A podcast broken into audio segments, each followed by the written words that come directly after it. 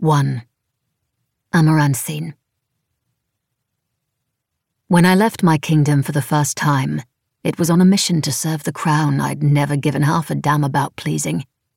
My horse, Flicker, carried us at a brisk walk that quickly left the wide stone bridge and border guards behind. The red road we'd already been on for days stretched out ahead, flanked by evergreen trees identical to the thousands we'd already passed and the chilly wind that had chased us out of Mynaria continued to gust relentlessly. I expected Zumorda to look different from home, I said to the girl riding behind me. Why? Denna asked. I don't know, I said. People talk about this place like it's some kind of mysterious death trap. I thought the landscape would reflect that somehow, or at least justify the uneasiness that knotted my shoulders. After all, I was a girl without magic who had entered a kingdom where nearly everyone else had it. Coming here willingly made me about as sharp as a bag of wet barn mice. People like to exaggerate, Denna said. This is a trade road, and the horse merchants cross here all the time. It seems too quiet. My saddle creaked with the rhythm of my horse's strides as the wind whispered through the pines. All else was silent. After that fuss at the bridge, anywhere would seem quiet, Denna said. You're right. Perhaps the frustrating half day struggle with the border guards to let us cross the bridge had made me forget the hush of the open road. Perhaps it was that we'd so recently left behind the steady rush of the river dividing my homeland from this place. A kingdom I'd grown up hearing was full of magic using heretics. Or perhaps I was just waiting for something bad to happen. The frigid late autumn wind pushed us forward, sending a bone deep chill through me. I urged Flicker to extend his walk, hoping to leave my anxieties behind. I focused on the press of Denna's body against mine, a reminder that I wasn't alone. Without question, she was the only thing that had made the long, cold ride to Zumorda tolerable. The way her eyes danced when she smiled lit me up like nothing else in the world. I loved her fierceness and her intelligence, and her ability to find her way out of almost any situation with her wits. I didn't love that everyone believed she was dead, or that her presence with me made both of us traitors. I'm starting to think going on a quest in winter wasn't my brightest idea, I said with a shiver.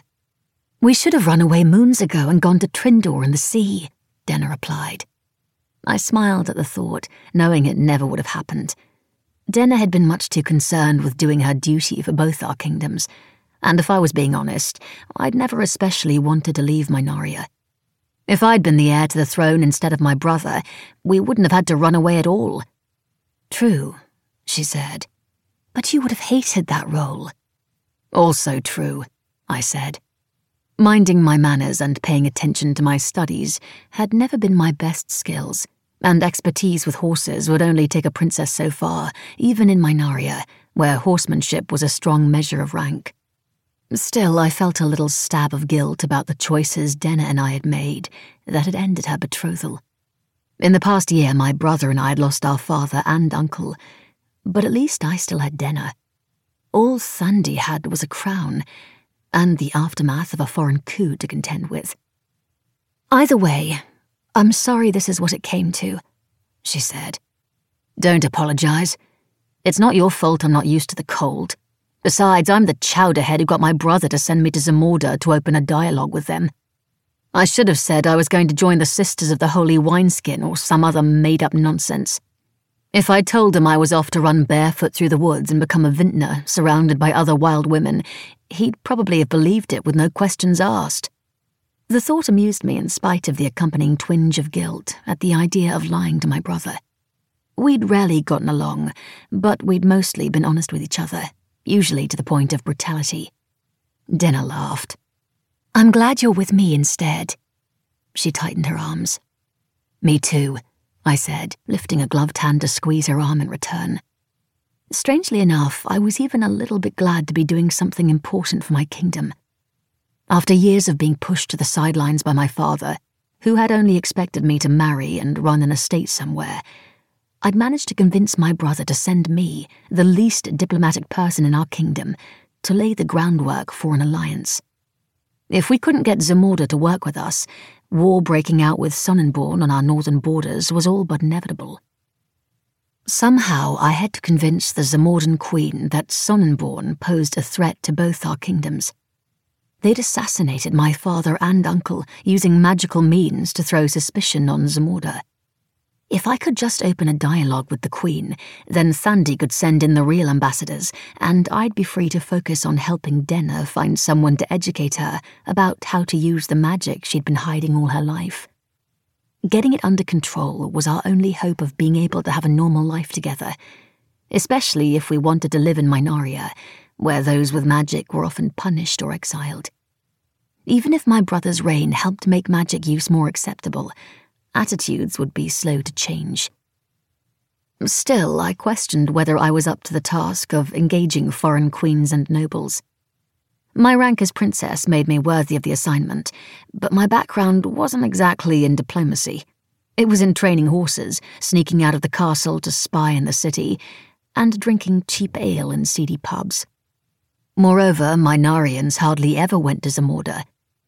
The kingdom was full of magic users with the very powers we'd condemned affinities for fire, air, earth, water, and gods knew what else.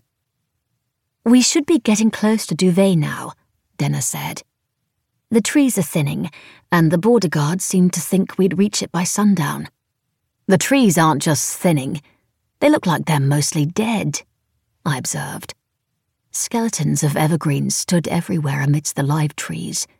They creaked against each other in the wind, and their bleached bones littered the forest floor. It does seem awfully dry here, which doesn't make much sense, given that there aren't any geological reasons for the climate to be different on this side of the border, Denna mused. I'll take your word for it. I'd studied the maps well enough to know which way to point my horse, but my knowledge ended there. All I know is, when we get to Duvet, I want five tankards of ale and to sleep past sunrise for once. We needed a refreshing stop to fortify ourselves for the rest of our journey. Travelling all the way to northeastern Zumorda, to the crown city of Corovja, wouldn't be easy with winter weather on the way. I could go for something with more kick than ale, Denna said. I wonder if Zumordans have a midwinter festival with liquor in Havemont, we have a competition for the distillers. Mother would never let me or my sister taste any spirits besides the winners, but the people watching was always good. She spoke of home with a regretful fondness, a feeling I had a hard time understanding. Home for me had never been somewhere I felt entirely comfortable, not in the castle anyway. In disguise out in the city? Somewhat. The barn? Definitely but my tendency to escape my maids and royal duties to do barn chores or play cards with liegemen meant I had fit in with the other nobles about as well as a jar of horse farts at a parfumerie. Well, I hope that by the time we visit Havemont, your sister is the one in charge of the festival. I doubt Ali will stop us from tasting all the spirits we want, I said, already picturing sitting in front of a roaring fire with Denna on a cold winter's night, both of us a little light-headed from good liquor and laughing too much. The thought of tasting sweet brandy on her lips instantly counteracted the chill of the crisp autumn wind. She'd encourage us for sure, Denna said, and I could hear the smile in her voice. She's always had a mischievous streak. Did I tell you about the time she wrapped me up in furs and tried to convince a tradesman at a party that I was a cat he should purchase? I snorted. That sounds like something I would have tried to do to Thandi. Although mostly I just threw him in the manure pile any time he made me angry. If only his subjects knew he'd once been king of the dung heap. Denna laughed. More than a dozen times over. I smirked, but a twinge of unfamiliar regret needled me. My relationship with my brother had always been antagonistic, but maybe it hadn't needed to be. If we had tried harder to overcome our differences of opinion instead of taking opposite sides of every argument, would the rest of our family still be dead? It was pointless to think about, but the question still rose up in the back of my mind to taunt me. The twilight shadows deepened as we rode over gently rolling hills, past fallow fields carved out of the forest. All the houses we saw were closed and dark, their windows shuttered. There were no lanterns hung outside front doors, no other travellers on the road. It felt empty in a way it shouldn't have. Even Flicker seemed ill at ease, his head up and ears swiveling back and forth worriedly. The keep should be over the next rise. Where are the people? Denna asked. Something definitely doesn't seem right, I said. Let's get off and approach on foot through those trees over there. I pointed to a copse of evergreens at the top of the next hill. We need to make sure it's safe. When we reached the trees, I drew Flicker gently to a halt and braced my arm for Denna to use as an assist to dismount. We left Flicker tied to a tree and crept into the woods. On the other side of the copse, we had a clear view down into Duvet Keep, a stone fortress inside a high wall. There are riders in there, Denna said, puzzled. I squinted, trying to see enough in the fading daylight to make sense of the scene below. Several people on horseback were inside the walls of the keep. At first, I thought they were doing skirmish drills, until one of the riders veered closer and I got a better look at his horse. It had the distinctive convex profile and high neck set typical of a Sonnenborne desert bred. In one smooth motion, the rider nocked an arrow and stood in the stirrups, preparing to let it fly. Fear twisted around my spine. It wasn't a drill. The keep was under attack. My stomach heaved and I grabbed Denna by the sleeve, tugging her behind a thick tangle of bushes. What's going on? she whispered, looking equally shaken. Sonnenbornes are attacking. Their horses look just like the ones Kriantz had with him in Mynaria. That snake had bigger plans all along. Grief rose to choke me. Speaking Kriantz's name consumed me with memories of the night my best friend Nils had died, the night I'd been abducted from the castle and Denna had chosen to forfeit her crown to come after me. In some ways, that night had broken us both forever. In others, it had made us both whole for the first time. His people must be more united than we thought, Denna said. But why in the sixth hell are they here? It was true he'd given the impression that several tribes had only recently joined together beneath his banner, that they wouldn't do anything without his signal. But for the Sonnenbornes to be here now spoke of a plan far more complex and organized than he'd made it seem. They could be trying to take an outpost at the Mynarian border, Denna said, her voice grim. The keep would make a perfect settlement to fortify for attack. Six hells, I said. Perhaps they plan to retaliate for Lord Kriantz's death, Denna continued, fear making her voice rise. The Sonnenbornes didn't know who had killed their leader, only that it had happened on Mynarian soil. Denna had dealt him a swift and fiery death by calling down the stars with her magic. Though she'd saved my life, I knew that night still haunted her. Hey, I said, taking her hand. You did what you had to. You saved me. I leaned over and softly kissed her cheek. The fear in her eyes eased a little bit, so I pressed my lips to hers just long enough to feel familiar warmth blossom in the pit of my stomach. The truth was that the terrifying memories haunted me too. Sometimes the smoke of the campfires along our journey had reminded me of that night, the scent of forest and flesh burning, the way the earth had shaken as flaming stones rained down from above. Or what if their plans are more elaborate than we thought, and they're trying to cut off one of Mynaria's most lucrative trade routes she said, always ten steps ahead. You're right, I said. They'd be positioned to do either of those things. We need to get out of here. Keeping Denna safe was the only thing that mattered to me, but I also doubted my brother would approve of his sister, or his envoy, getting murdered by Sonnenborne raiders. That would start the very war we'd set out to prevent. Denna's brow furrowed. If the Sonnenbornes are already this far into Zumorda, there are two things we have to do. Tell Thandi, and get you to the Queen as soon as possible. She spoke with the kind of authority I'd heard her use back when she'd still been my brother's intended consort.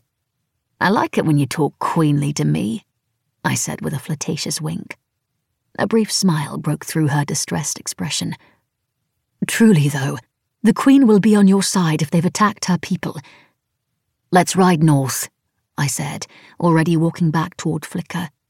I doubt they'll send scouts until they've secured the keep. We need to make sure the Zumordans win this battle first. She grabbed my hand to stop me. I can use my magic to help them. I looked at her like she'd lost her mind. Walking into this fight could get us killed. What better way to win allies than to help the Zumordans? She asked. Fear flickered in my chest. We can't. What if something goes wrong? As much as I loved her, I'd be lying if I didn't admit that her magic sometimes scared me. Ever since she'd summoned the stars to save me from Lord Kriantz, her powers had become less predictable, and they'd only been steady as a Greenbroke colt in the first place. Less than a week ago, we'd gone hungry one rainy night because Denna couldn't start a fire, and it was too wet for the sparks from my flint and steel to catch. A few days later, she had a nightmare, and before I could wake her up, she'd set her bedroll ablaze, charring it past salvation. Frustratingly, Denna ignored my objection and carried on. We could climb that tree by the wall. That first building looks like it might be the stables. She gestured toward a stone building just inside the keep. Half doors lined the side, and a second story window stood wide open, as though no one had gotten there to close up the barn for the night. There should be a good view from the hayloft. Hay is flammable, I said. Your affinity is for fire. Then we'll make that useful, she said, and before I could stop her, she was on her feet, sprinting toward the stables. I cursed and took off after her. If I had an affinity, it would definitely be for trouble.